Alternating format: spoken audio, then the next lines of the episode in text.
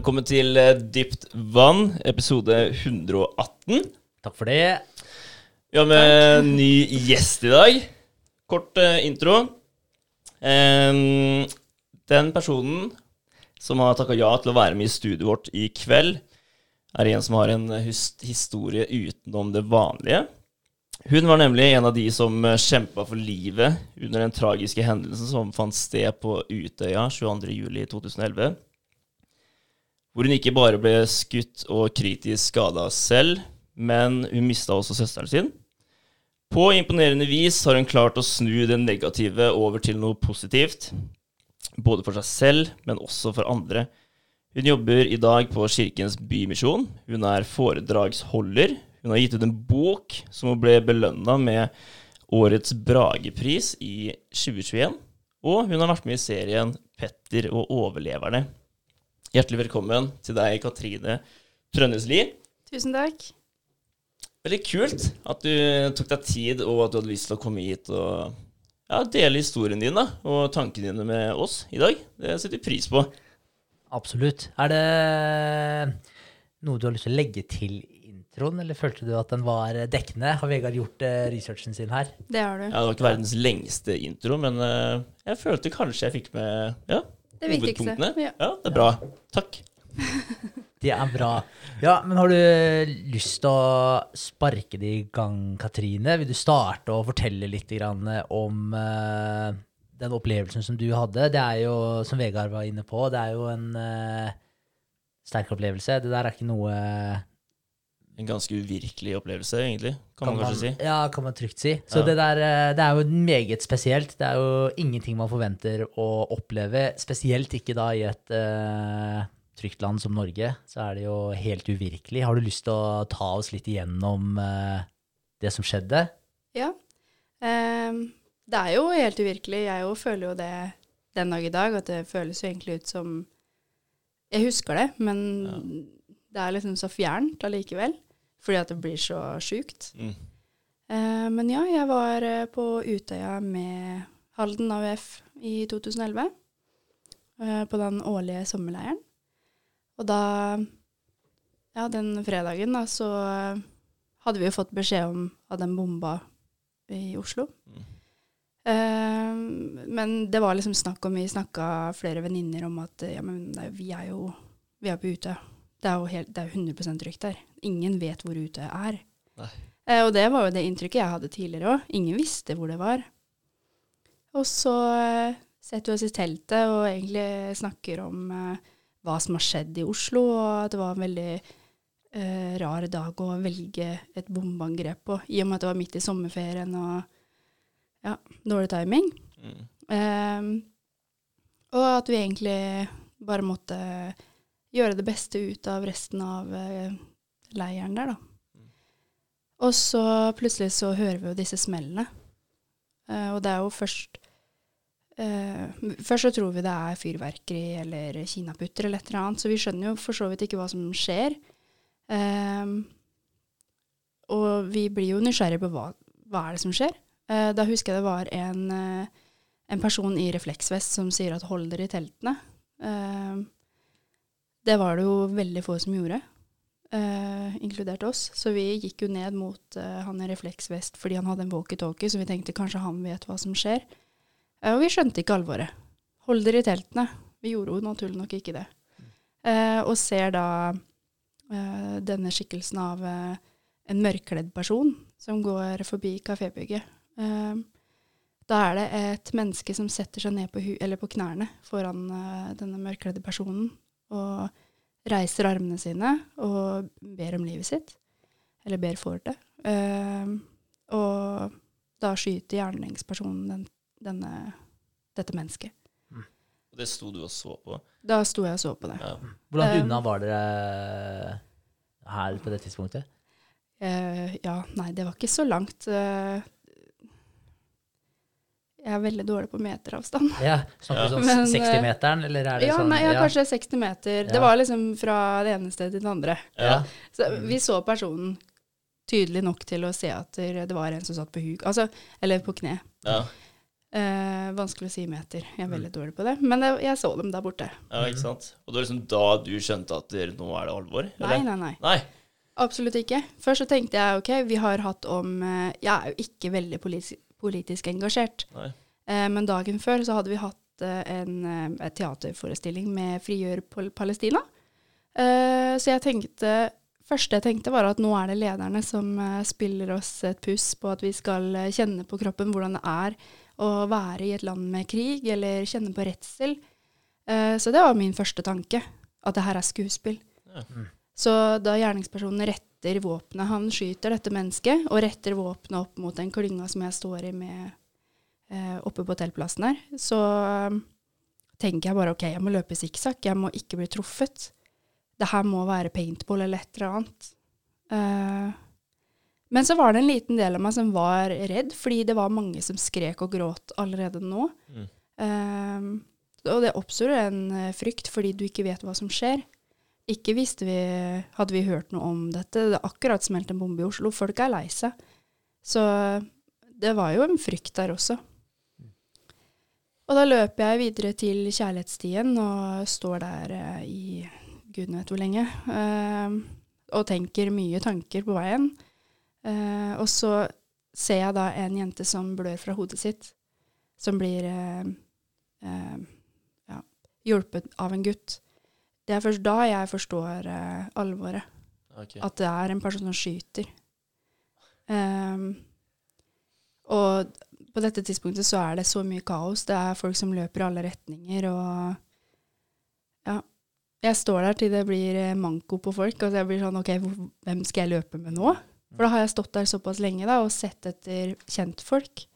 Og vi var rundt 600 personer der ute. Ja, ikke sant? Hvor, hvor stort er det? Altså, for en som ikke har vært der ute eller har noe forhold til det, da, er det 600 mennesker? Er det hvor, hvor, på en måte eh, bygningslokasjonene og sånn, er de på en måte forholdsvis samla der? Og så er øya forholdsvis stor eh, ellers? Ja, Ja. Um, du kommer jo inn med ferja, og så Uh, er det en uh, Først så kommer du til Utøyhuset, det hvite huset som er uh, veldig synlig fra landsiden også. Ehm, og så har du jo bakken som du går opp, og der er det scene, og den, der de holder taler og diverse ting som skjer på sommeren og andre tidspunkter. Um, og så kommer du opp på bakken, og da kommer du til selve hovedbygningene. Mm. Og de er da samla Mm. relativt nærme hverandre. Og så vil jeg jo si at øya i seg sjøl er Den er ikke stor, men den er ikke liten heller. Det Nei. tar kanskje ja, i hvert fall en halvtime å gå rundt hele øya. Ja, ikke sant? Rundt Ja. kjærlighetsstien. Ja, så det er litt størrelse på den, da. Men, men kjærlighetsstien, altså når dere eh, løper i den retningen, og for du sa dere stoppa opp på et eh, tidspunkt på den kjærlighetsstien, altså hvor, hvor langt er det dere Da var det det med avstander igjen, da, men for Ja. å få et sånn cirka bilde av det. Er dere langt unna der hvor dere har Nei, dere nei, løpt nei, nei. nei. Altså, fra der jeg sto og opp dit, det tar eh, ett minutt å gå opp. Det, Ja, Når du småløper i tillegg, så tar det enda kortere tid. Ja, ikke sant? Så du, det var ikke lange avstanden fra teltplassen og opp dit. Det er gjennom Lyngen og så ned på stien. Så det er liksom Jeg vet ikke hvordan jeg skal forklare det. det Nei, er, men eh, det gir jo et inntrykk da, hvis du Ja. Ja. kommer dit på under et minutt hvis du, hvis du løper. ja, nei, Ja, ja, ja. ja. Men, det, men det sier jo litt også, da, i forhold til at vi, vi eh, Når det er så fjernt for oss, en sånn eh, opplevelse som det her, hvordan vi prøver å rasjonalisere, prøver å finne på en naturlig forklaring på det, og som du sier, at man ikke helt skjønner alvoret i det. Fordi eh, når man tenker på da at en fyr har blitt uh, skutt, da, Mm. som du har sett, og så løper man under et minutt da, i en retning. Altså, man tenker jo da at der, man i utgangspunktet skulle beina så langt enn Ja, ja. øya gikk. Så, så det sier jo kanskje litt også om hvor eh, Ja, i hvilken kanskje Ja. sinnsstemning man er, eller sinnstilstand man er i ja, på det tidspunktet. ja, og så er det jo det Det som var en stor faktor, da, var at vi hele tiden hørte eh, skuddlydene. Mm. Eh, og vi kunne jo høre at de ikke kom nærmere på dette tidspunktet.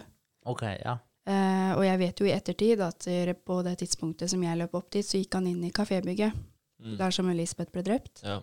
Så han gjorde seg på en måte ferdig i kafébygget før han gikk i den retningen som, eh, eh, som jeg sto på, da. Mm. Så ja. ja. Det er ja, ganske intenst å prate om. Jeg skjønner det. Men eh, altså kafébygget, altså, var, var det noen som i det hele tatt overlevde, overlevde det? Ja, ja. Ja. Det var det.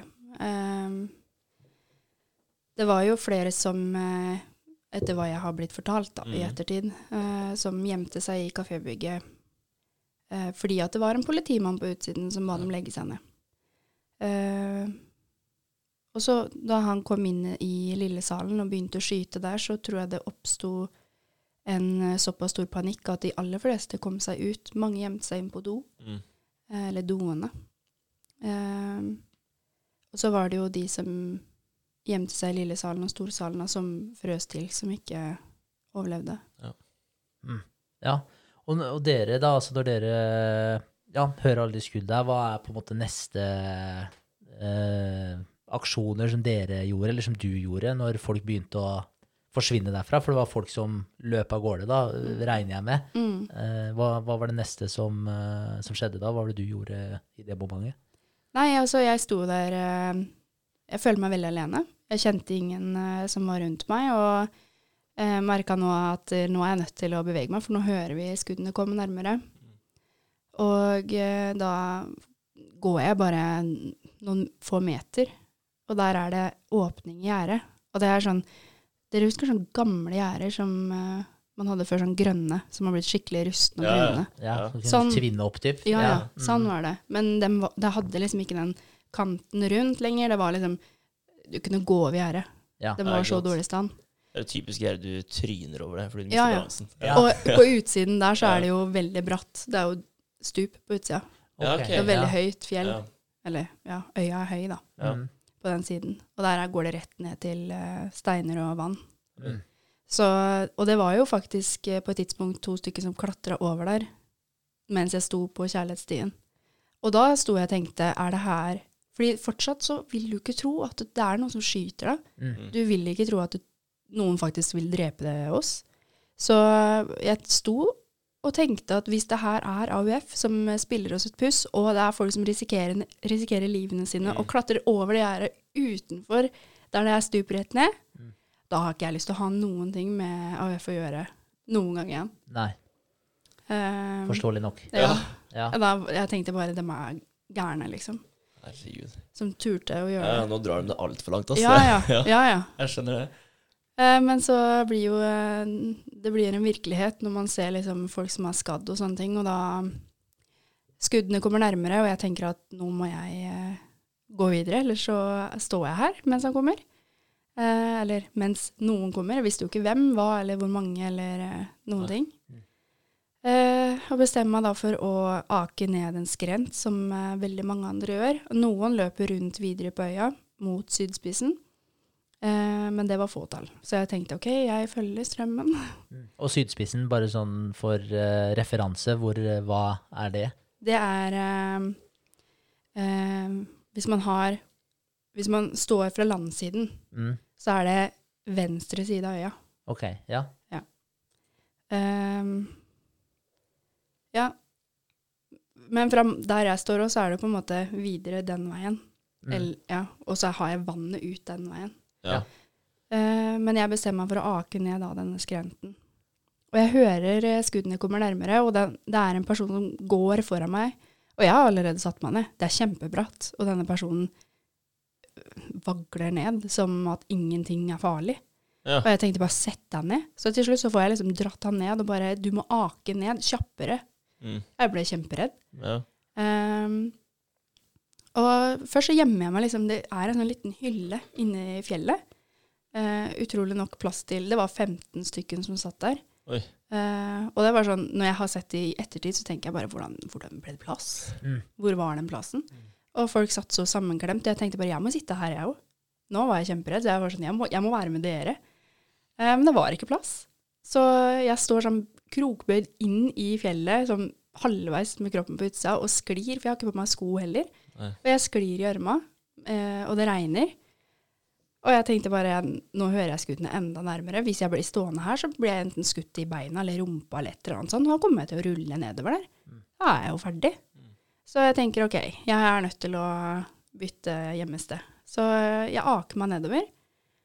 Og så tar det ikke lange tiden før jeg blir skutt i ryggen. Ehm, Og jeg kan jo forklare litt hvordan et skudd i kroppen føles. Ja, gjerne. Um, for det er jo veldig mange som faktisk lurer på, men ikke tør å spørre, eller, eh, men lurer på. Eh, og den beste forklaringen jeg kan gi, er at det er et såpass stort trykk da, som uh, treffer kroppen. Uh, og nå traff den jo lungen min og to ribbein i samme sleng. Og den eh, kula som traff meg, er en sånn Hva heter det for noe igjen, da? Jeg har lyst til å si dum-dum-kule. Er det det som heter det? Å ja, er det den eh, Den som sprenger. Ja, ja, Ja, den men som lager ekspansjons- mye skade. Ja, kul, eller, Ja. ja. stemmer. Ja. Den kula eh, traff meg. Og eh, eneste formålet til den kula er å gjøre mest mulig skade. Mm. Så det å bli truffet av en kule, det var eh, som at det brant inni kroppen. Det var en sånn ekstremt stor smerte som eh, eksploderte i kroppen, og det brant. Mm. Og jeg, på grunn av lungen eh, kollapsa, da, så, eller ble punktert, så slet jeg med å puste. Og det gjorde at eh, jeg fikk ikke nok oksygen, og eh, jeg lå der og jeg tenkte at jeg må fortelle Man ligger der, og så har man blitt skutt, men allikevel så er man faktisk usikker. Ble jeg skutt? Nå er det her ekte? Ja, og Skal det- jeg rope ja. at jeg elsker familien? Fortell det til dem? Sanne tanker hadde jeg. Ja. Og det var sånn Ja. Så selv om jeg ble skutt, og jeg kjente at nå forsvinner jeg, så var det sånn Jeg turte ikke å si noe, fordi Tenk om, tenk om jeg bare tror? Tenk om Mm. det ikke er ekte? Jeg ville ikke være flau, liksom. Nei, ikke sant? Men så forsvant jeg, da. I, Ja. jeg besvimte jo. Og den følelsen òg, det var sånn ekstremt deilig. Fordi at jeg, altså jeg trodde jeg døde. Mm. Og jeg tenkte bare at det går helt fint, fordi nå hadde jeg så store smerter at jeg hadde ikke lyst til å leve. Men så våkna jeg opp igjen øh, og ble skutt på nytt. Men da ble jeg skutt i armen. Dæven. Altså ikke bare våre armen. Jeg ble jo skutt her og har armen inntil, så jeg ble jo skutt på sida av kroppen også. Ja. Um, men denne gangen her så er kroppen min så full av adrenalin Mm. at jeg merker ikke Det kjennes ut som uh, at noen kaster en stein på deg når du har på deg en eh, stor boblejakke. Ja, ikke sant? Det var to vidt forskjellige følelser. Men jeg løfter, jeg løfter armen når jeg ser, og det er skutt. Det er liksom Jeg ser inni armen min. Å, herregud. Hvordan er eh, Altså, hva, hva tenker du da? For det er nesten kanskje da det første øyeblikket hvor du virkelig Forstår. 100 forstår, Mm. ja. Mm. At nå var det faktisk det som skjedde. Ja. Hva, hva er det som går gjennom hodet ditt i det øyeblikket der? Eh, altså, min aller første tanke da, når jeg ser armen altså Det er ikke det at jeg har blitt skutt, eller sånne ting, det er hvordan det ser ut, og hva, hva jeg kan sammenligne det med. Det er liksom første tanken min. Um, og så får jeg jo en følelse av at OK, nå har jeg våkna igjen, nå gjør det ikke vondt. Nå skal jeg i hvert fall leve. Det var liksom eh, de, de første tankene. Det var liksom ikke at det faktisk har skjedd. Nei. Det tror jeg ikke jeg har tenkt heller. Var det, ble det et stort kjøttsår, eller Ja, ja. var det Ja. Det måtte sy sammen, så jeg har jo en sånn stor Hva heter det? Bul. ja. Så hvis jeg har på meg stram genser og gjør sånn her, så ser det ut som jeg har en skikkelig muskel. Ja, ikke sant? Jeg har jo ikke det. Ja. Så, Men, ja. men spørsmål i forhold til liksom For du sa du ble skutt i ryggen, Mm. og det, det var idet du aker ned den bakken her. Mm. Mm. Og, øh, og Men etter hvert da så svimer du av, Mm. og så blir du skutt i armen. Hvor er eh, Breivik når det her eh, skjer? Altså i forhold til deg, har han beveget seg nærmere deg, eller er det bare at du blir skutt, svimer av, og så våkner du av at du blir skutt igjen, på en måte at han står fra samme stedet? Vet du Eh, Jeg vet at han aldri gikk ned i skrenten, mest sannsynligvis fordi at han ikke våget å gå ned fordi at det var såpass bratt Mm. og uoversiktlig. mm. Så ja. Så han har stått fra toppen da, av skrenten begge gangene. Eh, men det er veldig usikkert på For det er litt sånn eh, Hva heter det? Jeg har snakka med flere som har vært i samme skrent som overlevde, Mm. eh, om eh, han skjøt, for han gikk forbi der to ganger. Om han har eh, skutt ned begge gangene. Eh, fordi det er ingen som egentlig husker Man får jo skylapper, holdt jeg på å si. Man ser jo ikke noe. Eh, jeg kan bare huske mitt eget skrik fra da jeg ble skutt. Etter det så hørte jeg ikke noen andre skrike. Nei. Så eh, at andre ikke har lagt merke til meg eller sett meg våkne og sånne ting, det er jo naturlig nok eh, Ja. Det skjer jo. ja, ja. De tenkte på seg selv, ja. Ja. Ja.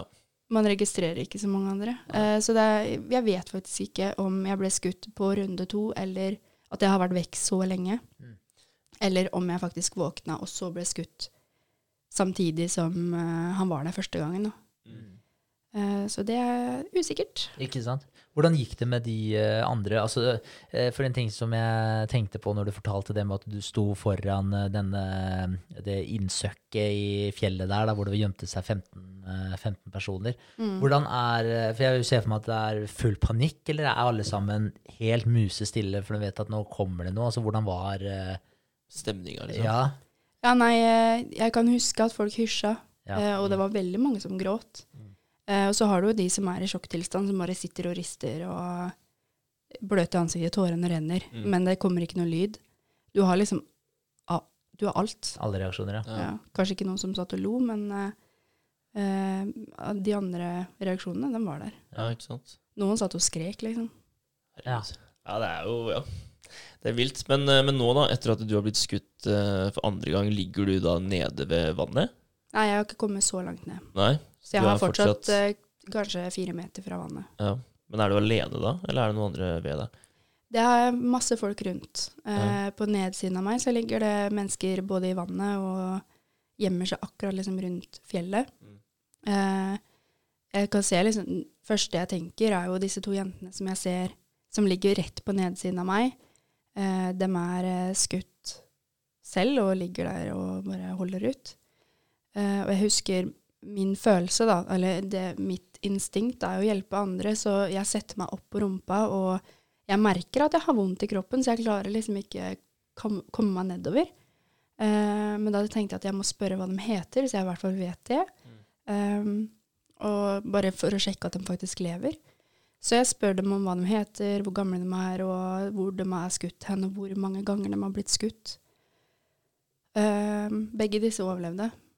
Uh, men jeg husker også at i dette øyeblikket som jeg gjør disse tingene, så kjenner jeg også at uh, det renner varmt nedover min egen kropp på høyresiden.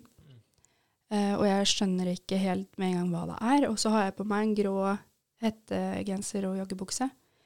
Og da ser jeg at Og det, det var allerede mørkegrått av regnet. Nå blir det på låret mitt så blir det enda mørkere med eh, hint av rødfarge. da. Mm. Og det er først da jeg skjønner at jeg blør veldig mye. For det skjedde så fort idet jeg satte meg opp. Eh, så da blir på en måte samtalen eh, naturlig nok avbrutt av det. Eh, og jeg tenker at jeg må finne en mulighet for å stoppe blødningene. Jeg vet ikke hvor utgangshullet er. Det eneste er at jeg kjente det i brystet. Og eh, jeg tenker nå at jeg må le lene meg mot noe. Og ved siden av meg så er det en sånn stor sånn fjellstein ja, ting, stein, eh, som jeg tenker at jeg, den kan jeg lene meg mot. Ja. Så jeg gjør det. Eh, jeg orker ikke å ligge sånn så lenge, men jeg ligger der sånn eh, litt for å prøve å stoppe. Og så legger jeg meg heller ned på ryggen for å ikke være i bevegelse, da. Eh, og bak meg så sitter det en gutt som hele tiden sier at du må holde deg våken. Ikke sov. Du må ikke lukke øya og sove. Hold deg våken. Um, og jeg vet at det var eh, mennesker ovenfor meg igjen som også lå drept i skrenten og på nedsiden. Så det var mennesker uh, rundt meg hele tiden. Og da går timene, og til slutt så kommer det en båt med politimenn.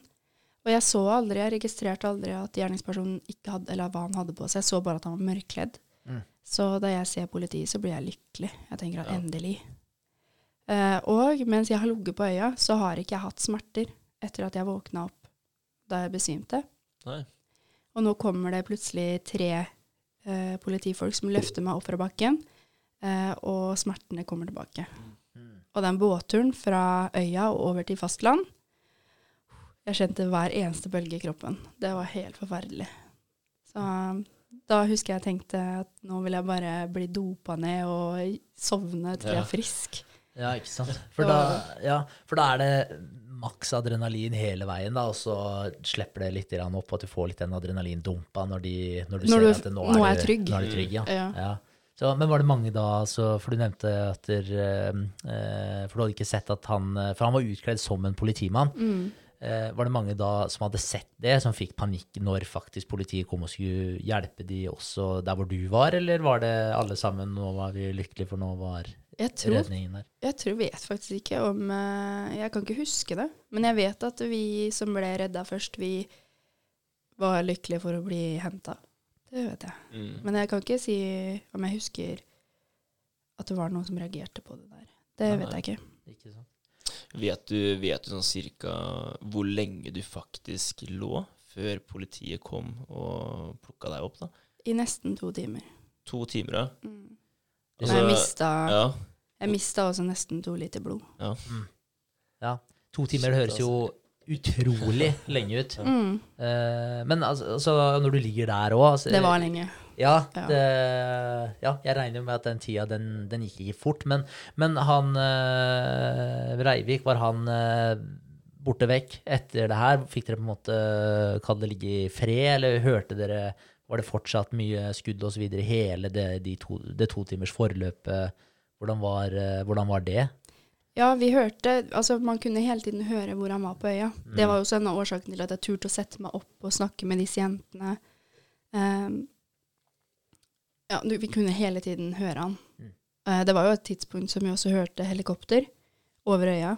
Ja. Og da Første tanken min nå var at ok, nå, nå blir vi redda. Men det landa jo aldri. Det var jo ingenting. Det var jo media. Mm. Så det var jo veldig eh, skuffende da, når man ligger der og venter, Ja. og man er kjemperedd. Selvfølgelig. Eh, Tenk du- man er jo redd. Nå får vi hjelp, ja. Ja. Ja.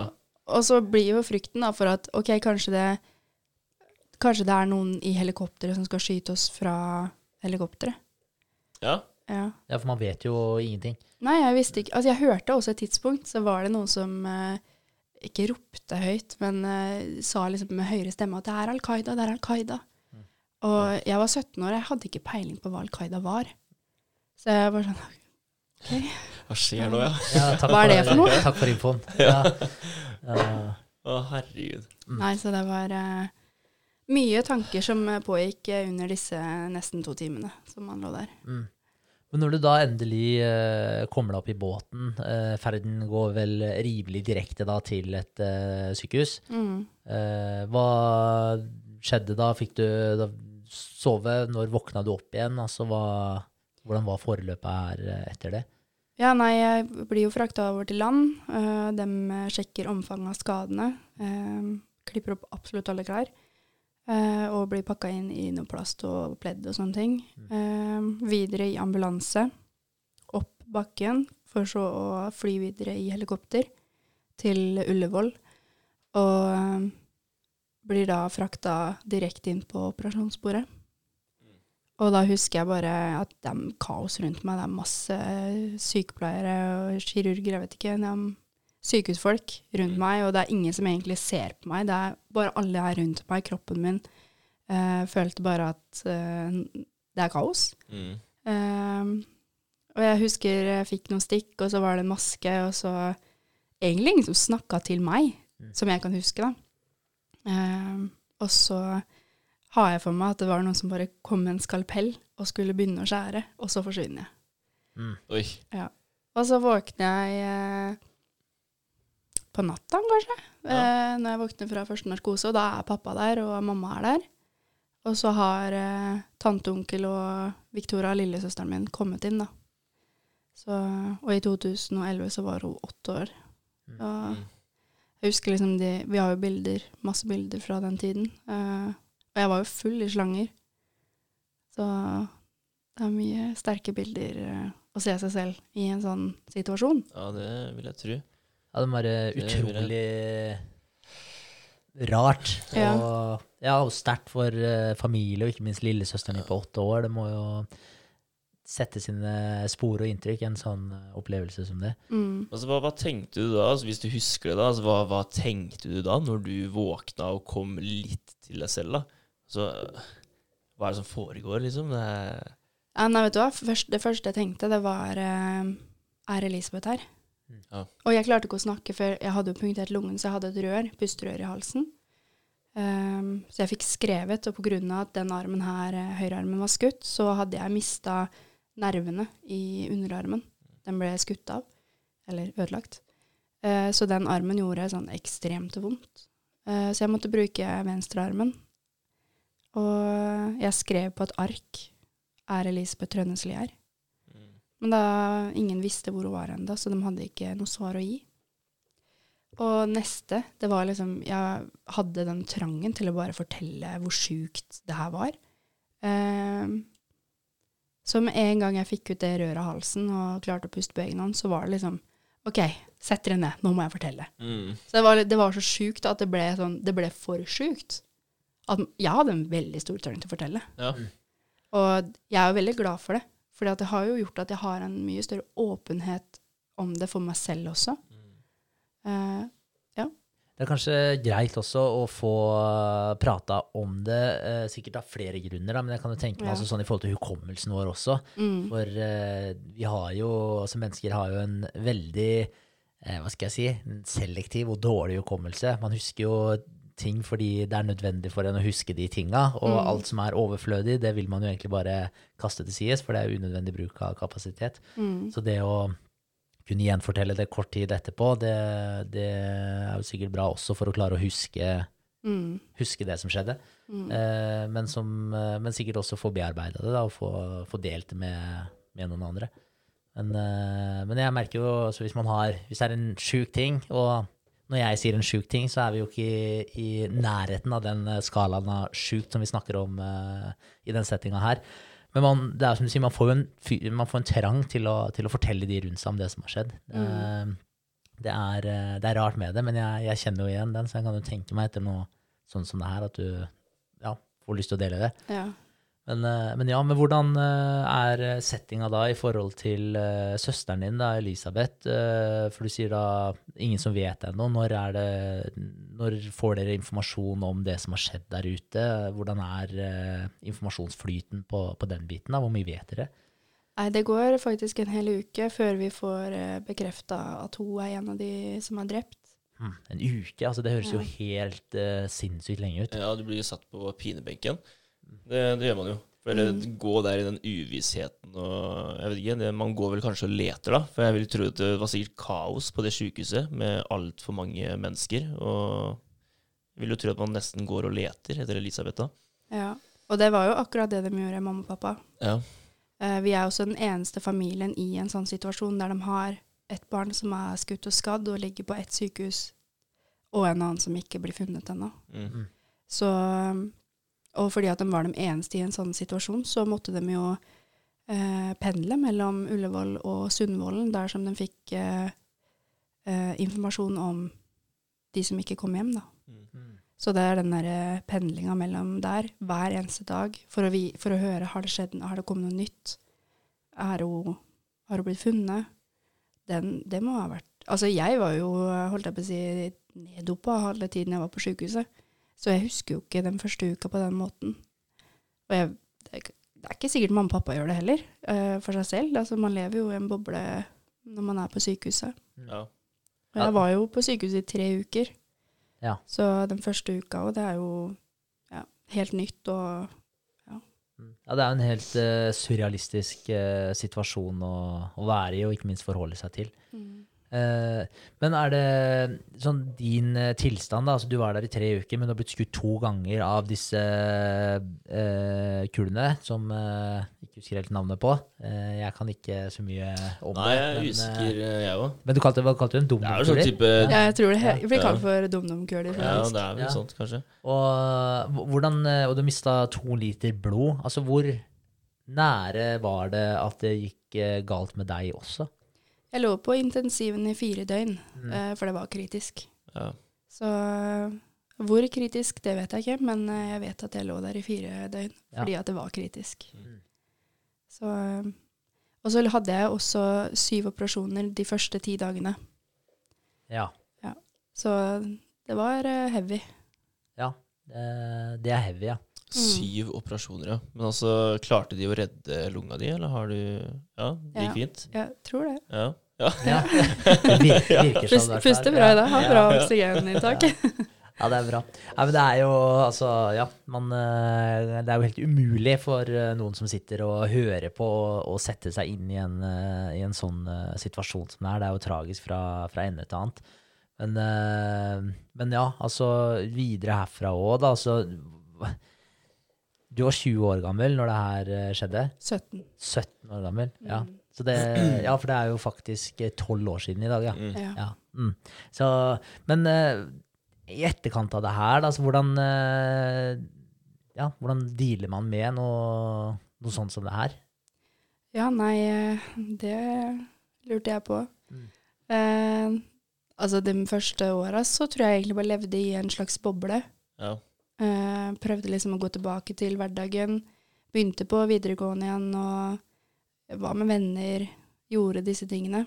Jeg hadde jo litt eh, Altså, kroppen min var jo full av 1,5 meter med arr. Og i starten så var jo det sår som skulle gro. Og sterke smertestillende og diverse ting da, som fulgte med. Eh, og jeg husker også Og den armen min, den, eh, den er liksom den som har vært verst. Nervene. Og den har ikke blitt bedre før nå de siste, ja, siste åra, kanskje. Fire år sia. Så begynte den å bli bedre. ja. Og det slo ut på eh, høy puls, eller om jeg ble redd. Altså høy puls, egentlig. Ja, ikke sant.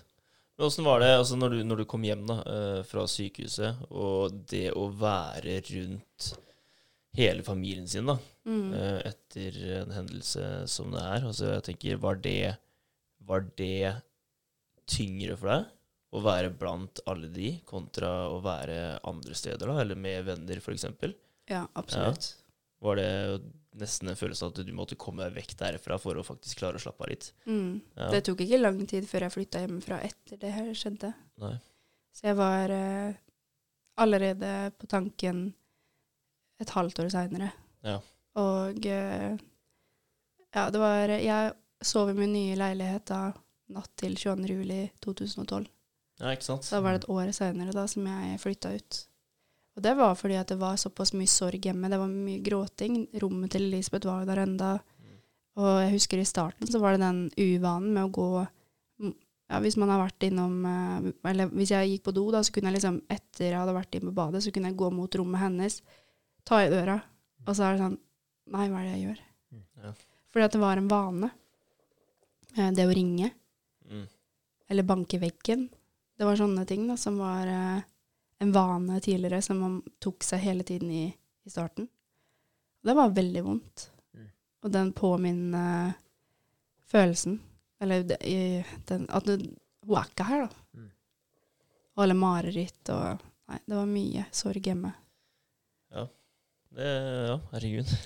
Hvor lang Jeg blir eh, rørt bare å høre på det. ja, jeg, jeg får jo Ja. fått frysninger flere ganger eh, allerede. Eh, det er jo ja, sterkt. Eh, hvor lang tid tok det før på en måte eh, For i det siste, altså, så du har jo begynt å holde, prate mye mer åpent om det her. Da. Bare det at du sitter her i dag, er jo et virkelig testament til at du har kommet styrka ut, at du har fått bearbeida det på en eh, god måte. og Eh, ja, og det taler jo mye til eh, karakteren din nå, at du kan sitte og, og snakke så åpent om det i dag. Mm. Eh, prosessen dit eh, Antar at det har vært en lang, eh, en lang prosess. Mm. når var det på en måte du begynte å Hvor lang tid tok det før du eh, begynte å klare å cope med det som hadde skjedd, på en Hva skal jeg si En eh, eh, sunnere måte, med mangel på, på bedre ord?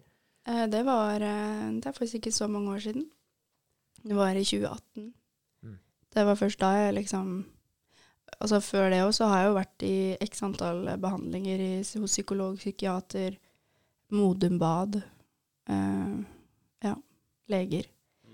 For å snakke om det, for å jobbe med det. Men eh, eh, min erfaring er at etter man har opplevd et sånn posttraumatisk ting, da, så er det det de prøver å hjelpe deg med.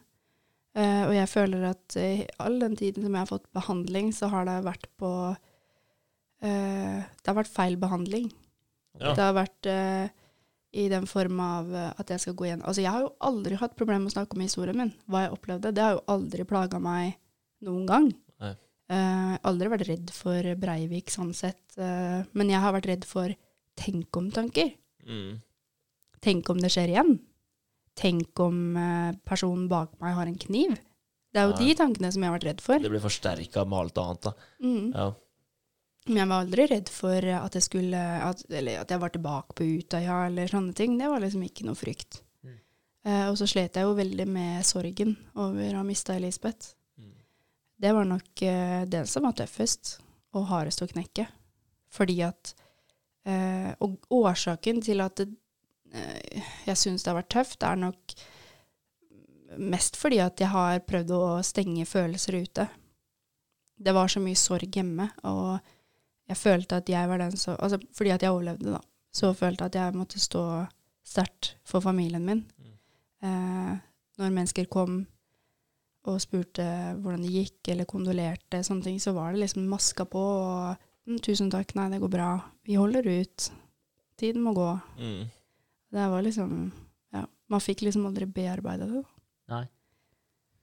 Hva var det som gjorde at du klarte å begynne å eh, vise litt mer de følelsene og bearbeide det på en bedre måte? Altså, var det et uh, konkret vendepunkt her? Var det en annen type behandling du fikk? Uh, for du nevnte også at den psykologibehandlinga Kanskje at det Jeg tolka det dit hen at de ville at du skulle prate om opplevelsen, men, men det å prate om opplevelsen, det, det har egentlig ikke vært et problem for deg, og det var ikke det som gjorde at du kom deg Mm. videre heller. Var det, var det riktig Mm. forstått? Ja. Mm. Så, så hvilket øyeblikk var det du skjønte at det, du måtte på en måte klare å vise litt mer de følelsene og bearbeide det på den måten?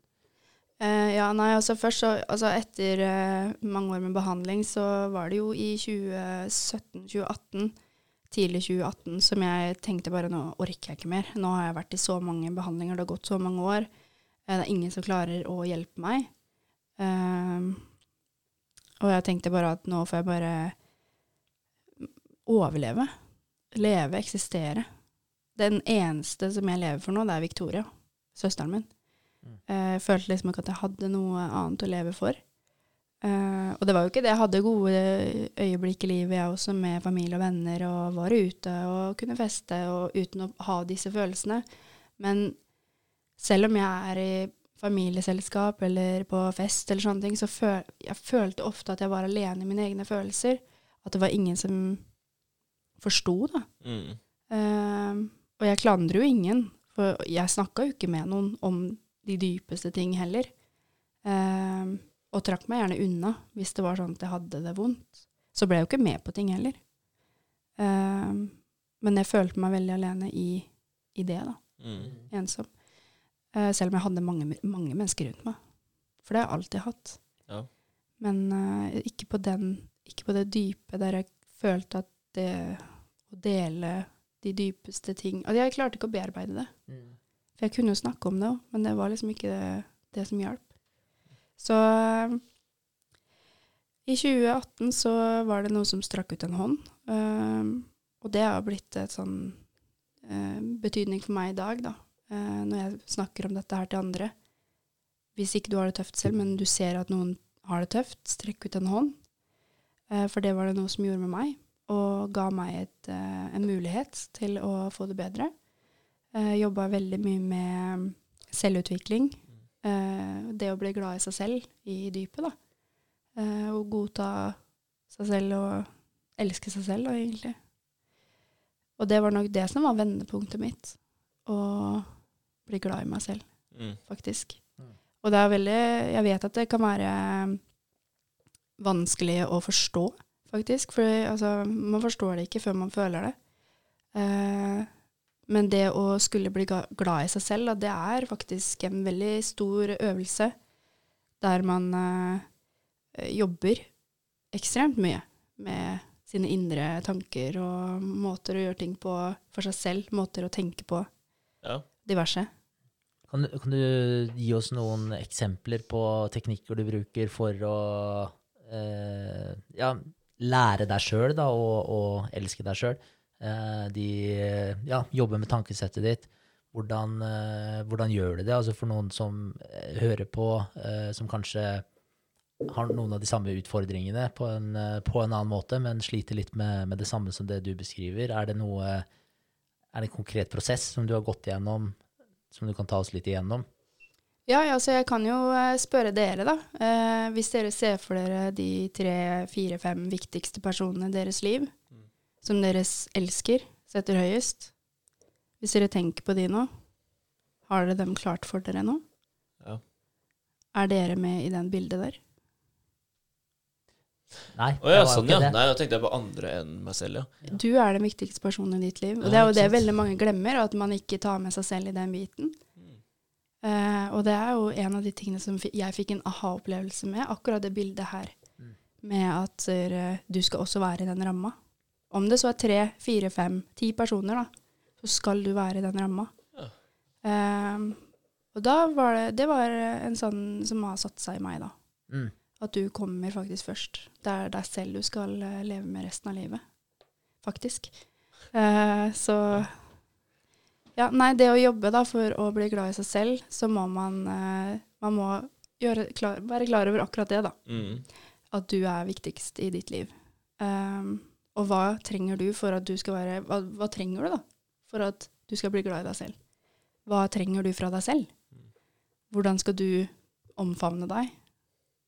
Ja, det er vanskelig å snakke om, eller gå inn på det i dybden. Mm. eh, Men det er jo teknikker da, som man kan jobbe med gjennom selvutvikling.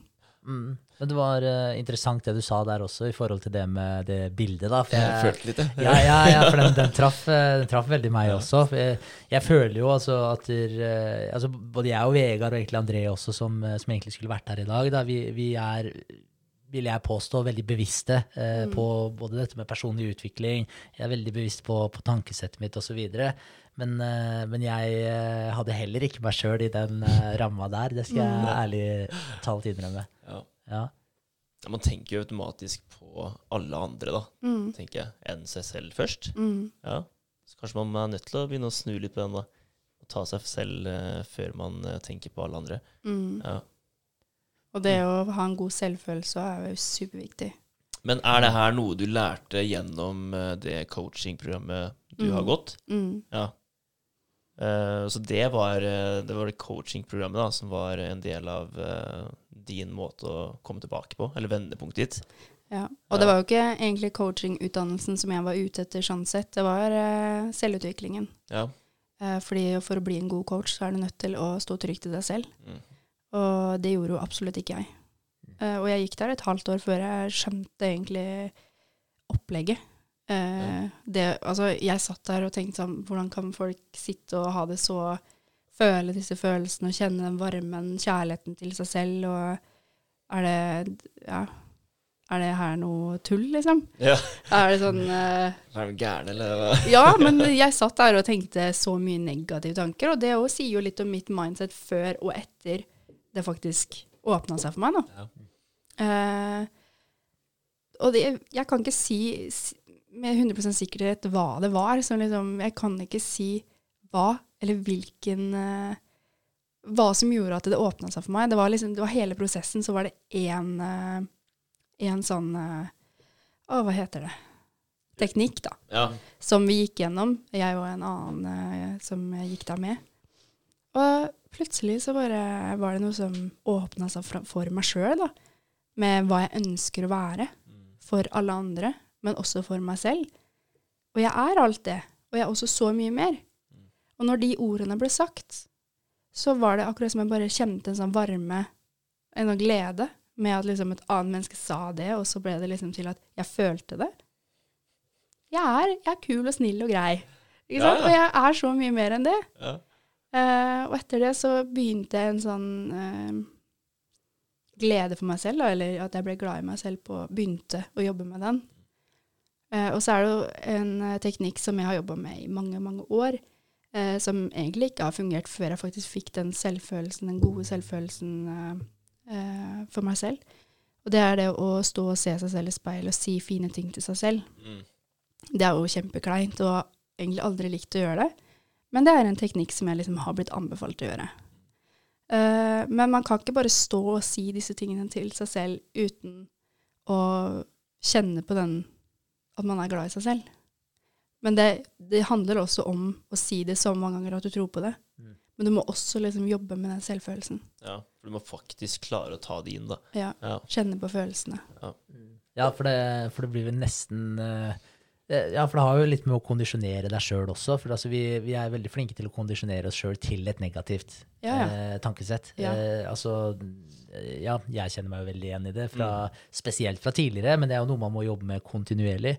Men med en gang man blir bevisst på, den, eh, på hvordan man prater til seg sjøl, og hvor mye negativ feedback man gir Mm. seg sjøl, så, så er jo ja, hva skal jeg si, det også er jo en uh, liten wake-up call. Mm. Så det å stå og si det til seg sjøl i speilet, altså som du også sier, at man må faktisk uh, uh, trigge den følelsen også. fordi hvis man sier det til seg sjøl i speilet, og så går du og forteller deg sjøl ah, så jævlig tett du er, står og snakker til deg sjøl i speilet, og så begynner du med den med en gang, Ja, ja. Så, så blir det jo nesten eh, en Motsatt. motsatt, effekt. Mm. Så, så ja.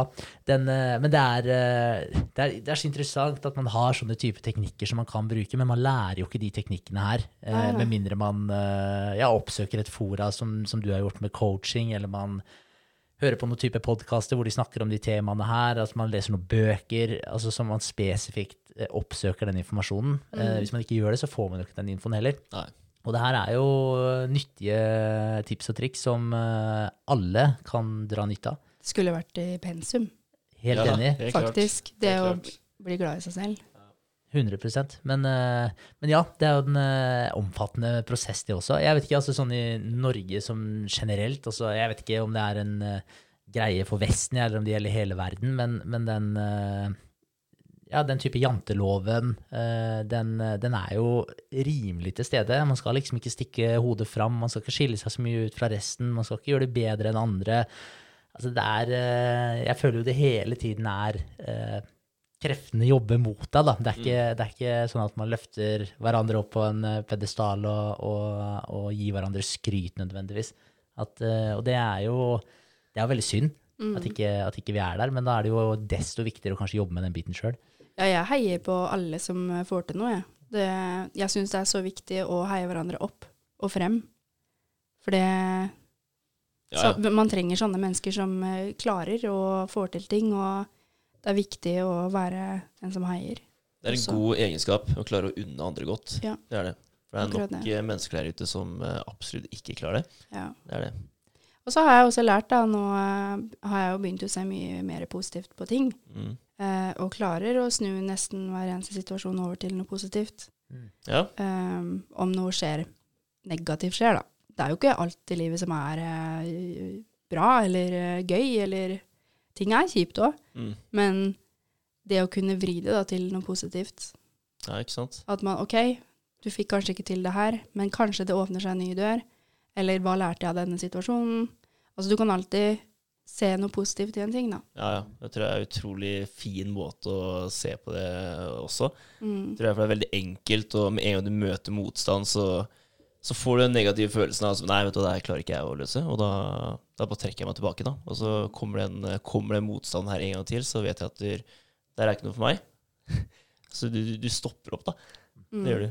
Så nei, det er positivt å klare å, klare å løse, løse de der motstandene man møter på daglig, da. For det gjør man. Man gjør det. Ja, jeg møter på det daglig, og det å bare ta det med positiv eh, holdning og bare ja, angripe det, så, så kommer man langt, altså. Det gjør man. Jeg hadde en, eh, en eh, Jeg hørte det på Det var vel en lydbok jeg hørte det første gangen, tror jeg. eh, Og det var i forhold til det med at der, å tro på et negativt utfall eller tro på et positivt utfall. At begge de to tinga der, det krever at man tror på noe man ikke kan se. Mm. Og den traff meg helt sinnssykt, for da Mm. ble jeg sånn ja, Da fikk jeg en sånn åpenbaring og tenkte i forhold til det at man hele tiden er redd for det negative utfallet. Uh, ja, hva om, hvis om, dersom at uh, det ene skjer eller, eller det andre skjer. Men så er det sånn, ja, ok, men hva om dersom at det, hvis om at det positive skjer? Hva, Mm. hva om det her går så bra det kunne ha gått? Mm. Altså, hvorfor skal man ikke tenke det, når man hele tiden driver og tenker uh, alt som kan gå galt? Eh, og at, det, at begge de to tinga der, begge de to tankesetta der, det krever faktisk at man tror på noe. At man enten tror på et godt utfall, eller at man tror på et dårlig utfall. Og den eh, ja, den ga meg en åpenbaring. Den traff meg eh, skikkelig. Og det har jeg prøvd å ta med meg videre også. Det er jo en praktisk sånn positiv sak ved å tenke på et negativt utfall i forhold til at du, du blir bevisst på kanskje ting du må gjøre annerledes for å unngå det negative utfallet. Men det å tro at ting kommer til å gå til helsike, eller da tro at det her kommer faktisk til å gå bra, eh, at man klarer å skille på de to tinga og velge å tenke at det, her kan faktisk gå bra. La oss prøve. Hva er det verste som kan skje? Så den, eh, den har vært eh, kanskje en av de tinga som har eh, eh, jeg vet ikke, festa seg mest da, hos meg det, kanskje det siste halvannet år eller et eller annet sånt. Jeg husker ikke når jeg hørte det først, men det er ikke, det er ikke så lenge siden. Men det, men det er jo litt inne på den eh, samme tankegangen som du nevnte nå, da. Mm. Så, så ja, så jeg tror den er, eh, den er viktig. Den har i hvert fall hjulpet, hjulpet meg mye. Mm. Men det er det der med de eh, teknikkene her da, som man kan ta med seg igjen. Da, at, man, at man lærer seg sånne ting, eller i hvert fall at man oppsøker dem. Og, og jeg vet ikke, mellom den coachingutdannelsen som du har tatt nå også, eh, er det flere, har, man, har dere noen samlinger, har dere noen fora har dere prater om det her? Altså er det, hvordan får dere spredd den, er det et mål om å spre den kunnskapen her på, på noen som helst måte, eller hvordan, hvordan jobber dere med det nå? Nei, altså når man går eh, det løpet, så går man jo et studie over et år og er utdanna NLP-coach etterpå. Eh, og det er, jo, det er jo valgfritt hva du velger å gjøre med det studiet etterpå. Jeg vet jo eh, et par som har starta opp egen eh, bedrift da, innenfor coaching. Uh, og så er det jo andre som bruker det i ledelse i business. Eh, og så er det noen som har tatt det som selvutvikling. Ja. Ja, men uh, du går jo faktisk ut av den utdanningen her med en verktøykasse full av verktøy som du kan velge Ja. å bruke til det du vil. Og jeg tenker òg at det er viktig, det ting jeg har lært, som f.eks. Eh, måten å få andre til å snakke, åpne seg opp og disse tingene, Mm. eh, stille riktige spørsmål. Ja, Det har jeg jo lært, og det er jo vært gull verdt etterpå. helt klart. Og spesielt hvis sånn som jeg som jobber med ungdom, det å stille riktige spørsmål. Fordi altså, det jeg også har lært, er at du som eh, eh, Eller de som kommer til en coach for å få hjelp, da, eller en Ja, komme videre på et visst punkt. Altså, eh, du kommer dit med noe du tenker er et problem, eller en ting du må løse. Eh, men en coach vet ikke nødvendigvis svaret. Det er jo du som sitter der, som eh, har svaret. Så det å stille riktige spørsmål som gjør at du får frem svaret du trenger, det er jo da du er nødt til å stille de riktige spørsmålene. Og sånn Mm. er det jo generelt i livet òg. Hvis sant. sitter Og det er veldig ofte sånn at man kan eh, som ung, da, eller ja, hvis man har det skikkelig kjipt, så kan man tenke at ah, det er ingen som liker meg, eksempel. Og hvis jeg hadde hørt det, så hadde jeg tenkt, da hadde jeg spurt ok, men hvem, hvem er alle de? Eller hvem er, hvem er ingen? Nei, den og den og den. Å ja, men er det liksom alle? Er, er, jeg inn, er jeg også en del av de? Nei, men Og så er det sånn, ja, men hvis du tenker på hvordan vet du at de ikke liker deg? Har de sagt det til deg? Nei, jeg bare jeg føler det. Da er det sånn, ja, men da sitter jo du og gir de, disse menneskene den dårlige egenskapen om at de, du tror at de ikke liker deg. Mm. Det å stille sånne spørsmål som gjør at eh, den andre sitter og tenker at ok, kanskje det er bare i hodet mitt da, som jeg tror og føler disse tingene, og da jobbe med det. Det er veldig rart at man gjør sånn òg. Ja, Man skaper, eh, skaper scenarioene for seg sjøl, da. ja. Ja, det syns jeg er spesielt. Det er veldig enkelt å bare gjøre det. Mm. Jeg, jeg skjønner ikke hvorfor det er det, men uh, det er det. Herregud, Mm. altså. Men er det, er det etter det kurset du tok nå, at du begynte med de foredraga som du har i Mm. dag? Det var først der som jeg ble utsatt for å måtte teste holde foredrag for Ja. klassen min, da. Uh, og jeg har alltid hatt sånn kjempeangst for å snakke høyt foran klassen. Mm. Alltid hatt en tendens til å begynne å gråte, faktisk. Mm. Uh, alltid hatt den goden med å kunne bare holde det for læreren. Mm. Fordi jeg syns det har vært så fælt. Uh, og gjennom den uh, studiet her, da, så har jeg vært med på alle ting som vi skal gjennom. Og når vi fikk den oppgaven at vi skal holde et foredrag, så bare streika kroppen min. Mm. Og det er først Jeg jeg slet Jeg har alltid slitt med å gråte foran andre mennesker etter hendelsen med Utøya. Eh, det har vært en sånn teknikk at jeg har lokka følelsene mine. Og nå kjente jeg skikkelig på motstand i kroppen min, og bare sånn Det her har jeg ikke lyst til i det hele tatt. Eh, og da fikk vi 20 minutter til å sette sammen et 15 minutters langt foredrag. Å ja. Oi, Ja, vær så god, her er oppgaven. shit. Ja, og jeg er en av de yngste der. Eh, resten er eh, 50 pluss. Mm. Businessfolk som har vært uh, ute i livet i mange år, ikke sant. Driver med uh, forskjellige greier. Ja. Og så kommer jeg, da, som uh, ikke har utdannelse, har vært på ute, har egentlig bare hatt et ræva liv hittil, føler jeg, da. Og jeg tenker bare, hva er det jeg kan snakke om som er interessant? Skal jeg begynne å google meg frem til et eller annet som jeg skal snakke om? Det ble så uaktuelt, og jeg ble, det går ikke. Alt var negativt i tankene mine. Og var sånn, det, mm -mm. Så jeg satt på den stolen jeg, i de 20 minuttene og bare sånn, jeg har ikke lyst. Jeg, skal, jeg vil ikke være med. Og så ble jeg da sendt inn på en gruppe med tre andre mennesker eh, på 50 pluss. To mannfolk og en dame. Um, som eh, jeg ser veldig eh, opp til fordi det de driver med i, i dag.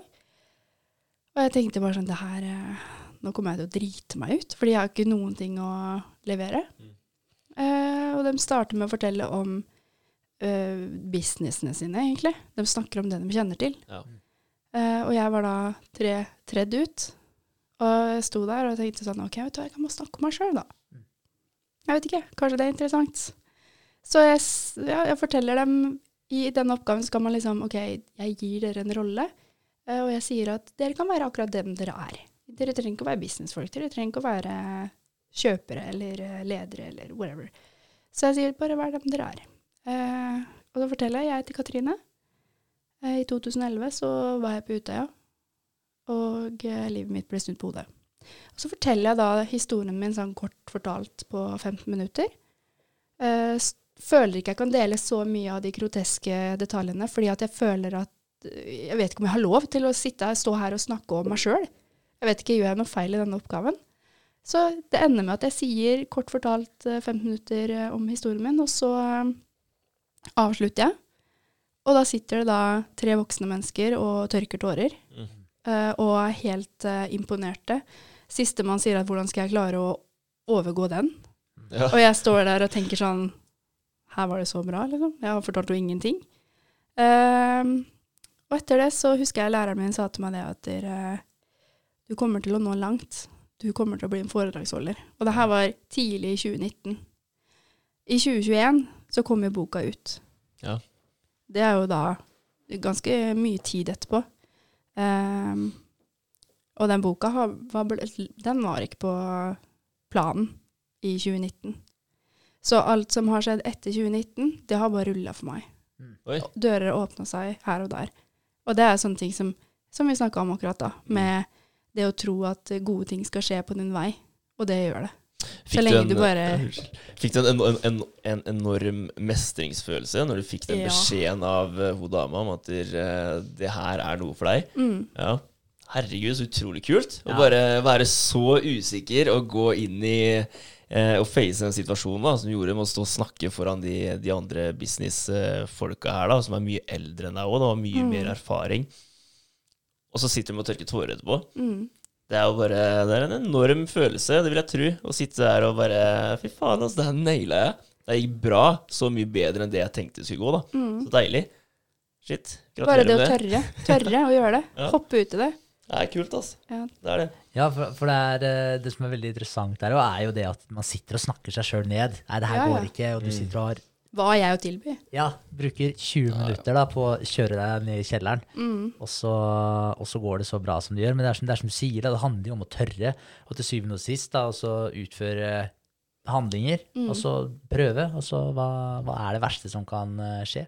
Og jeg tipper jo også at de tre andre som satt i rommet der, de var nok litt småstressa, dem, og selv om de snakka om sine egne businesser osv. Mm. videre Kan hende. var nok litt eh, småstressa de også. Man kjenner som regel litt på nervene når man skal Alle blir det. et sånt type foredrag. Ja, Ja, det tenker jeg. ja. det er det. Så Nei, men det er eh, utrolig, utrolig kult. Men over til den boka da, som er, eh, som er skrevet. Altså, for du, den ble skrevet sammen med ei eh, dame. Mm. Eh, Ja, hva het hun igjen? Mariangela Di Fiore.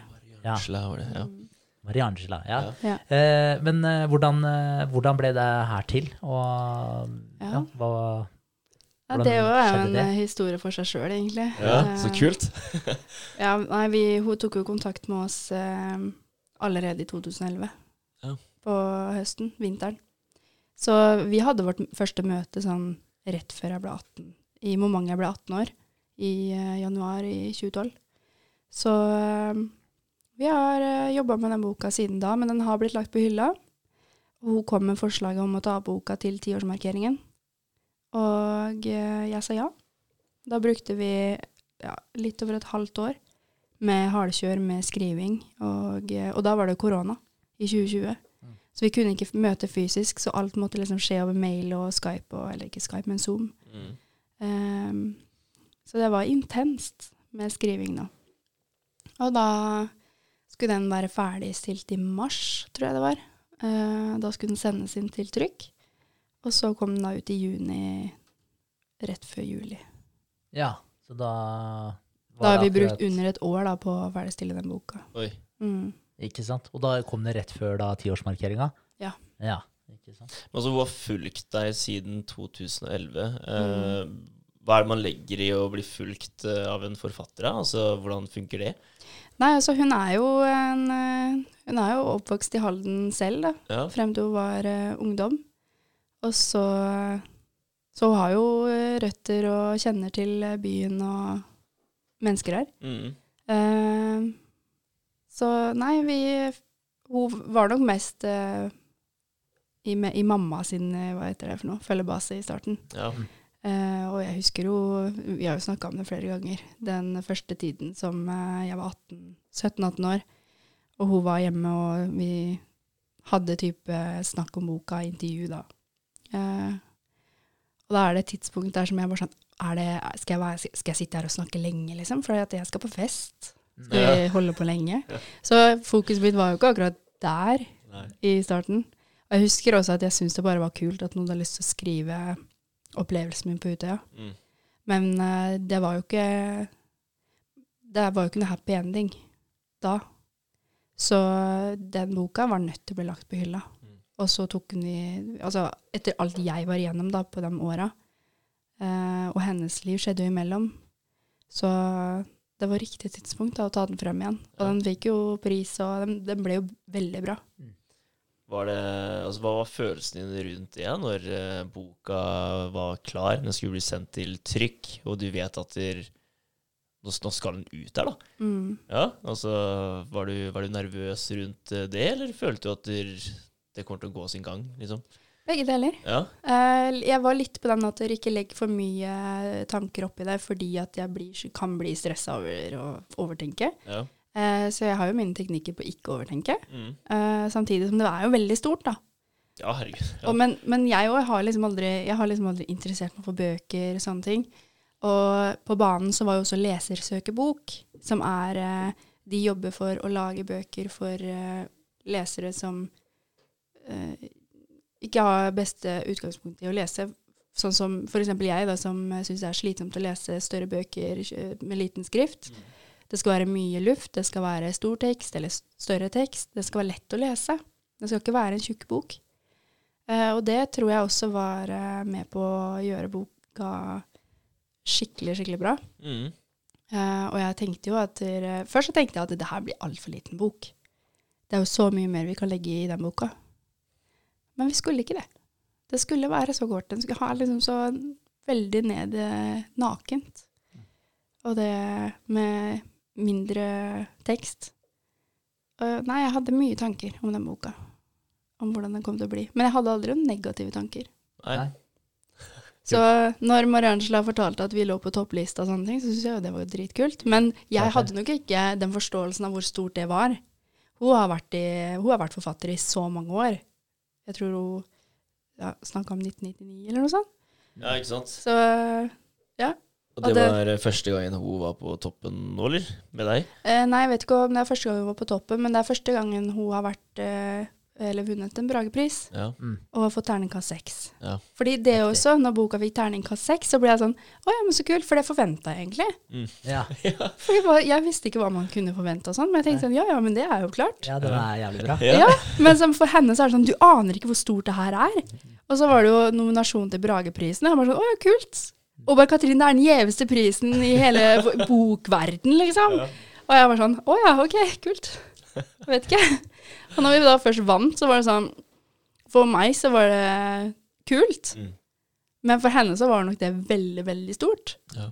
Men det er jo stort for meg òg, når jeg tenker over og vet liksom litt mer hva det gjelder, og hva det angår. Altså, ja, da er jo det enormt. Mm. Men eh, ja, nei. Det er det. Når man ikke sitter og vet så mye, så Da er det bare kult. Var det, var, det, var det et stort arrangement, eller? Det, Mm. Prisutdelinga der? Mm. Ja. Det er en helt so stor sal Ja. med viktige folk og Ja.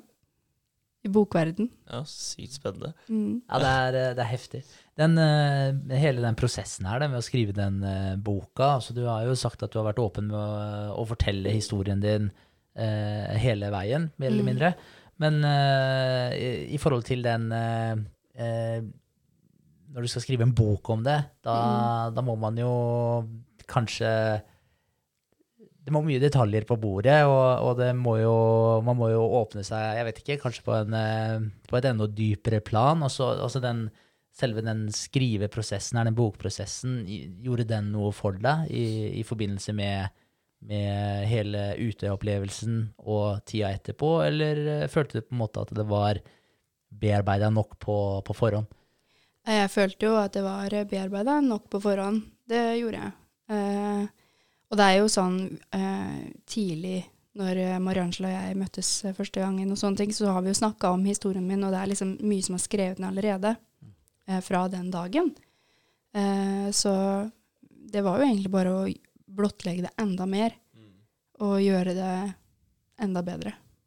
Eh, og ikke bare eh, Det er jo hun som har skrevet den. Det er jo jeg som har kommet med fakta, informasjon, min historie, mine opplevelser.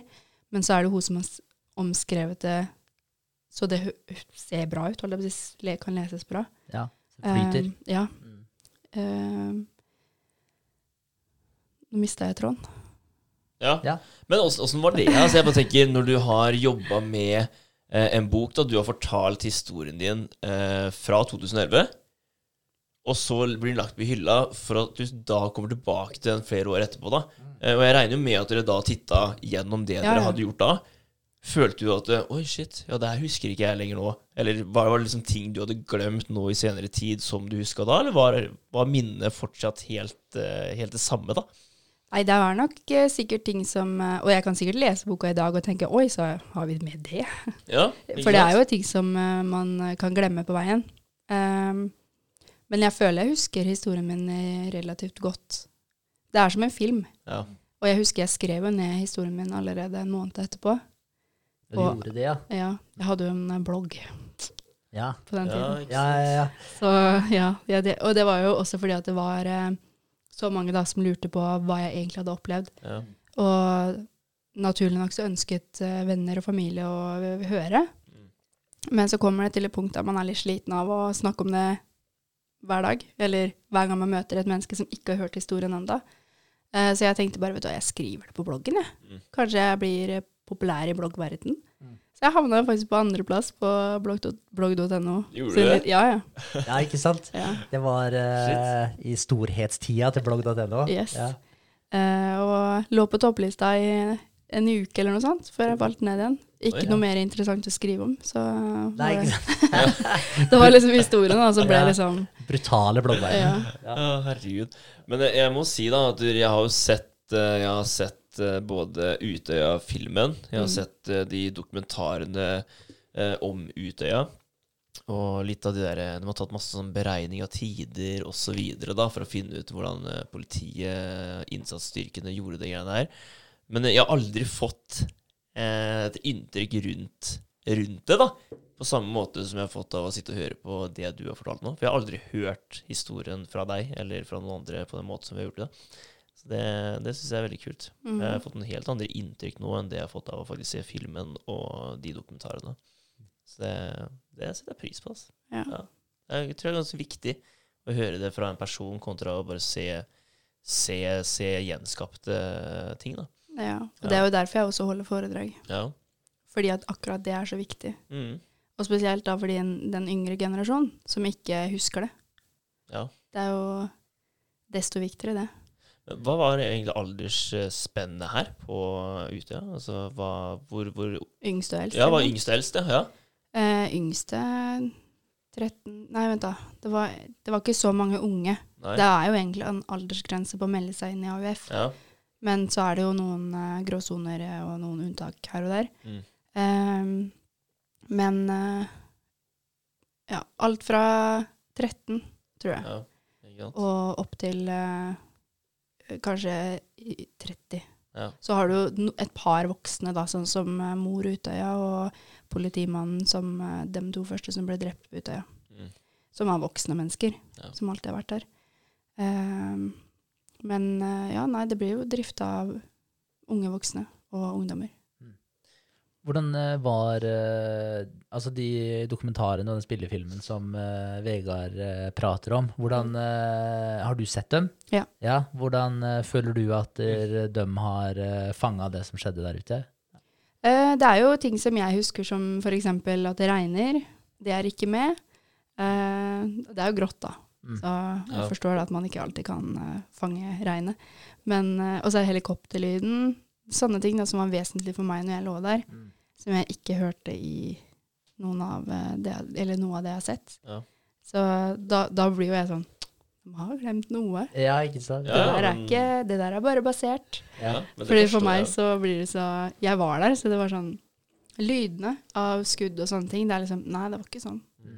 Mm. Eh, den lyden som jeg kan kjenne meg aller best igjen i, det er eh, den uh, Utøya-filmen med ho jenta, der de følger henne hele veien uten å stoppe filmen. Holdt jeg på å si. Stopp, klippet i filmen. Husker jeg ikke hva den heter. John Rule, kanskje? Mm. Nei, Jeg vet ikke. ikke. vet ikke jeg heller. Nei, det, det begynner å bli mange år siden, det òg. Mm. Det, det gjør det. Herregud. Men uh, ja, altså, jeg, jeg skjønner veldig godt at du, at du føler på den, da. Blir nesten Mm. litt sånn herre eh, frekt at du ikke har tatt det med, liksom. Ja. Sånn, nei, Ja, det her er ikke riktig. Ja. Vi må ha glemt noe. ja, det skjønner jeg. Men, eh, men jeg skal si da at eh, sånn, fra mitt ståsted, sånn helheten av filmene og Mm. det jeg har sett, eh, så er det jo Jeg likte den filmen med hun jenta, der de følger henne i alle de minuttene som Ja, det foregikk på Utøya. Mm. Grunnen til at jeg liker den, er fordi at de har Og det er sånn klein stillhet, det er kjedelige perioder i filmen. Eh, de stopper ikke å filme en eneste gang. Alt er liksom filma på ett take, da. One take. Mm. Eh, men følelsen min etterpå var Ja, selv om den var kjedelig, så var det akkurat sånn det var. Du har mye ventetid. Mm. Du sitter og bare venter og tvinner tommeltotter, og kanskje du hvisker litt til sidemannen som du egentlig ikke kjenner, og så plutselig får du noen venner på flukten din Mm. som du flykter med. Mm. Det, sånn var det. Det syns jeg var bra med den filmen. Eh, den andre, den som er norske skuespillere, men engelsktalende, Ja, stemmer det. den på Netflix, Ja. eh, den syns jeg var bra, fordi at når man tenker 22. juli, eller Utøya, så er det ikke bare 22. juli og Utøya. Det er liksom så mye mer. Det er eh, rettssaken, og det er tiden etterpå, det er hvordan man har det når man, etter man har opplevd det. Og det syns jeg også var bra med den, at det, de ikke tok bare historien som skjedde den fredagen. Ja. De har liksom tatt med så mye mer. Mm. Det jo likte jeg med den. For det stopper ikke bare der, selv om det gjør det for alle andre. At det er det man tenker. At ja, 22. juli, jeg husker den dagen. Ja. Ja, jeg husker de årene. Kan Ja, jeg ja, tenke ikke da, sant? ikke sant? Ikke Det sant? alle de åra etterpå, ja. Ja. Ja, det er klart. Men jeg jeg bare tenker, altså, nå, nå som du driver med de, de foredraga, da altså, har, du, mm, har du hatt foredrag for noen eh, som også var der? Har, du- har du gjort det? Og så har du hatt et foredrag, og så har du innsett at å ja, du var der, du òg. ja, vet du hva. Ikke som var der akkurat når det begynte å smelle, men en som dro hjem fordi han var syk. Ja, oi. Ja. Som eh, Og det er, den skolen har jeg vært to ganger, og han er jo en eh, miljøarbeider, lærer, jeg vet ikke, eh, på denne skolen. Mm. Og han syntes det var veldig sterkt å høre, for han skulle ha vært der den dagen selv. Men reiste hjem tidligere samme dagen. Ja, ikke sant? Så det var uh, inntrykk for både meg og han, vil jeg Mm. tro. Tilfeldigheter. Ja, Veldig. dæven. Det er helt sinnssykt. Er helt så, jeg blir jo veldig redd da for å liksom si noe feil, eller eh, hadde jeg visst at det var denne salen som har vært der, så blir jeg jo sånn, og jeg håper ikke det er feil oppfatning. Altså, man har jo en oppfatning av ting alle sammen, Ja. eller personlig. Eh, og så er jeg jo, jeg er jo veldig redd for å tråkke noen på tærne. Mm. Så jeg blir jo sånn, ja, jeg håper ikke noe jeg sier kan gjøre at et annet menneske er sånn, nei, det var ikke sånn det var. Hvis du Ja. skjønner. Jeg skjønner veldig godt hva du mener. på deg. Men, Ja. eh, ja, men til syvende og sist så er det jo Det er jo din historie. Det er ja, det. det er jo din opplevelse. Så den eh, da, Det er jo sikkert noen som sitter kanskje med noen andre inntrykk, som er på helt andre Ja. steder og i andre settinger eh, der ute, som ja, kanskje har en litt annen oppfatning av det. Mm, Men til syvende og sist er det jo din historie du forteller. det er det. Men hva, hva er, eh, i forhold til foredragene som du holder nå, eh, hva er på en måte eh, Hva er budskapet ditt? Har du et helt konkret budskap du ønsker å formidle? Eh, varierer du på innholdet i foredragene dine, eller følger du på en måte mer eller mindre den samme strukturen for å få fram et budskap? Hvordan, hvordan er det? Ja, jeg følger, eh, jeg følger et visst, eh, holdt jeg på å si, eh, en rød tråd som Altså ting Jeg kan si ting annerledes, jeg kan legge til, jeg kan legge fra. Um, men budskapet er alltid det samme. Uh, og det er uh, Jeg har jo vært i et eh, veldig stort mørke der jeg ikke har gjort annet enn å eksistere. Jeg har ikke visst om jeg kommer til å være her om fem år. Eh, fordi at jeg har ikke hatt noe å leve for, og ikke følt at noen kan hjelpe meg. Og budskapet mitt da er jo det at selv om du er i et mørke i veldig mange år, så betyr ikke det at det ikke finnes hjelp, eller riktig hjelp. Um, og det å um, ta, imot, da, ta imot hjelp og be om hjelp, uh, det var ikke jeg så god på selv. Uh, heldigvis så har jeg hatt mennesker rundt meg som har strukket ut hånd til meg, eller strukket ut en hånd. Uh, og det også er jo noe som jeg ønsker å formidle til disse både unge og voksne mennesker. Det å, se, selv om man ikke kan hjelpe noen personlig selv, Mm. Eh, det å kunne hjelpe de til en annen person som kanskje kan hjelpe dem. Mm. Det er sånne ting da, som jeg tenker er viktig å snakke om, og snakke høyt om. Og det at uh, Det å vise følelser, da. Uh, jeg, jeg har jo hele tiden gått og tatt på meg den maska. Mm. Eh, Det også snakker jeg om i foredraget mitt. Det å på en måte skjule følelsene sine og ikke føle fordi at andre vil se på meg som svak hvis jeg gråter eller har det vondt og sånne ting. Og det å, at jeg har lært at det å kjenne på følelsene sine i seg selv, og det å vise følelser er en styrke. Eh, Det jo var veldig tok meg lang tid å forstå. Og det å da kunne fortelle unge mennesker om at det er styrke det å vise følelser. Mm. Eh, håper at det har en sånn effekt på dem at de ja, kanskje, kanskje man, det er greit da å vise følelser for andre, ha det kjipt og kunne snakke om det. Mm. Ja. Det blir en sånn effekt om at man tar i bruk det jeg sier. Mm. Ja, ja, jeg tror det er veldig viktig å Bare det at du, du står der og bevisstgjør at eh, det er det andre her òg som eh, har følt det samme som kanskje du som sitter der, da, og føler akkurat det jeg står og snakker om nå, men du tør ikke å si det. Bare det å få høre det at du, jeg har vært igjennom det, liksom. Jeg fikk hjelp. Mm. Så det funker for deg òg, hvis du bare ber om det, eller eh, ja, Mm. kanskje viser litt følelser, da. Og så er det jo det at uh, i dag, da, i dagens samfunn, altså bare med litt mobiltelefon, diverse Mm. ting, alt skal skje så fort. Filmer, videoer, bilder, alt, du skal liksom gå til neste så kjapt, da. Ja, det er helt sykt. Og det at hvis man har det kjipt, så skal det være så Du skal bli frisk så fort igjen. Mm. Folk forventer at det skal være liksom Ja, nei, men da kommer du tilbake neste uke, da, og så er alt bra. Ja, ikke sant? At alt skal være en sånn quick fix på ting. Ja, nå er du ferdig med det. Nå har du Ja, gått, gå eh, videre. Ja, ja, ikke sant? Ja. Nå Skjerp deg, skjerp deg, ta deg sammen. Mm. Men det er ikke alltid det er så lett, og det er jo det også legger jeg trykk på at for meg tok det faktisk eh, nesten ti år. Mm. Det tok eh, åtte før jeg fikk riktig hjelp, Ja, ikke sant. og jeg jobba fra de åtte åra. Det er jo da jobben begynte, Ja. Mm. sånn ordentlig, med min egen selvfølelse. Shit. Og det å fortelle at ting kan ta så lang tid. Og så spiller det faktisk ikke noen rolle om du har opplevd å vært på Utøya og blitt skutt, eller om du har faktisk eh, mista bestemor. Altså, ting gjør vondt. Det vondeste for meg er jo det vondeste for meg, det vondeste for deg er jo det vondeste for deg. At man ikke kan sammenligne disse følelsene, for følelsene, dem kjenner vi på, alle sammen. Mm. Om det er eh, Altså, det verste du har opplevd, er det verste du har opplevd. Ja, ja. Så at det gjør dritvondt, like, like vondt for deg som det gjør vondt for meg å miste noen, eller vært opplevd det jeg har opplevd, det er følelser. Mm. Og det er dem vi kjenner oss igjen i. Ja. Ja, det er veldig sant. Men, Absolutt. men også Nå jeg bare lurte på altså, det, med, det med Petter da, Mm. eh, og overleverne. Eh, når var det det kom inn i bildet? Hvordan, hvordan skjedde det? Ja, det òg var jo eh, i Jeg møtte Petter eh, i eh, februar i 2020. Ja. Og da veldig tilfeldig, fordi at de spilte inn eh, et eller annet sånn eh, reklamegreier for Petter i fengsel. Ja. I, på jobben, da. Mm. Nede på jobben der. Brukte lokalene. Eh, og dette momentet så satt Trond Henriksen og jeg og jobba med mitt første foredrag som jeg skulle liksom holde for meg selv.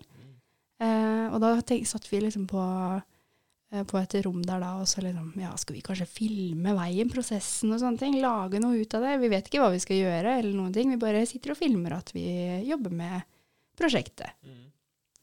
Og så ble jeg jo da kjent med eh, Vidar i Teddy TV, som er eh, eh, en av de som eh, ja, Jeg vet ikke hva man kaller det, driver eller noe sånt. Produksjon Ja. greier. Ja. Eh, Vidar i Teddy TV. Eh, og Trond introduserte oss, eh, og så fortalte jeg hva vi drev med. Og han var, eh, syntes jo det hørtes veldig spennende ut, og hadde lyst til å låne oss noe kamerautstyr hvis vi trengte det. Og det var jo utrolig hyggelig. Eh, og så gikk det vel en uke Nei, det gikk kanskje ikke så langt, men det gikk i hvert fall litt tid, og så plutselig så var de gutta på lokalet igjen og skulle filme inn eh, siste rest, og da hilste jeg også på Petter. Og etter det så fikk jeg en forespørsel om ikke, dem, om ikke Vidar kunne filme sjøl. Fordi at det var en interessant tanke å filme dette prosjektet mitt. da. Mm. Eh, og så det starta sånn at vi ikke helt visste hva det var, eller hva det skulle bli, om det skulle bli en film eller dokumentar eller eh, serie. Altså, i, alt var liksom helt i starten. Ja. Helt scratch. Ingen visste noen ting. Så uh, starta vi å filme, og det var liksom Visste ikke helt hvor vi skulle gå. Og så ble Petter med. Og så plutselig så hadde de da en idé om eh, å følge flere personer som opplevde liksom en eh, traumatisk ting i livet, og har kommet på, over på den andre sida, da, hvis man kan kalle det det. ja, Så det starta med deg? Ja. Ja, kult. Og da ble den ideen liksom dratt videre, og ja, ting skjedde jo imellom her som ikke jeg var en del av. Eh, men til slutt så ble det liksom pakka sammen da, til eh, noe. Og så endte det da med Petter og overleverne. Ja. Mm. Så ja, etter hvert da så fikk jeg jo vite at han eh, hadde truffet andre òg som eh, han tenkte var eh, At det hadde vært kult da, Mm. å lage en sånn serie med mennesker som har liksom opplevd noe veldig vondt, Ja. og klart å komme seg ut av det. Spennende, da. Så det ble Ja, da. Ja. i serien. Ja. Ja. Ja, Imponerende, det òg. Mm. Ja, Og du bare hopper ut i det, da. Det Ja, er ja, men jeg tenker liksom eh, OK, vet du hva, nå har jeg liksom fått Altså, jeg føler jeg har fått tilbake livet mitt. Mm. Jeg har fått en ny sjanse. eh, For det var veldig mørkt. Og så plutselig så bare begynner den ballen å rulle, og den ruller. Ja. Og det er det jeg mener med at så lenge du liksom er mottagelig for de positive tingene som skjer deg i livet, så skjer det. Mm. Det gjør det enda. Den ballen Ja. har ikke slutta ennå. Nei, ikke Den skal rulle, den Ja, ja, ja, det må den. Ja. Ja, det er jo det er utrolig kult, og det er så det er eh, moro det du sier òg, med at der, så lenge man er åpen og mottagelig for det, så er det utrolig hva som kan skje. Mm. Så, så det er mange tilfeldigheter inne i bildet, eller kanskje det ikke er så tilfeldig allikevel, hvem vet. Men, Hvem vet? Uh, ja, men det er uh, utrolig kult da, å si at det er eh, TV-serie, bok, og ja, hvem hadde trodd det hvis du ser tilbake seks, syv, åtte år når du var på det, noe av det mørkeste, så, så er det helt utrolig hvor langt eh, du har kommet òg, da. Og man merker jo det også når man sitter og prater med deg, den tryggheten du har, og, og hvor mye du eier den historien, eh, som selvfølgelig da er din å eie, da, men eh, det, det viser jo hvor langt du har kommet. Det gjør det. Det er eh, kult. Ja, takk. Det er det. Er det noe du har lyst til å si, altså sånn på tampen? Eh, Halvannentimesmerket har eh, passert. Altså i forhold til folk som hører på, eh, er det et budskap? Du har jo kommet med mye eh, allerede som eh, mange kan, ta med seg. Mange kan dra nytte av flere av de eh, ja, gode tipsa og de tankesetta du, du allerede har kommet med. Men er det noe du har lyst til å legge til? Eh, nå til eh, de som hører på, eller noe som du ser på som sentralt, som har hjulpet deg? Et eller annet du har lyst til å dele på slutten? Uh, ja, jeg tenker jo det at dere Jeg har vært så heldig, da, og fått uh, denne lærdommen. Og det er jo det at dere, vi alle har et valg. Når du står opp om morgenen, så har du et valg om hvordan du ønsker at denne dagen her skal bli. Og det at man faktisk har det valget, er ganske eh, Nå glemte jeg helt ordet.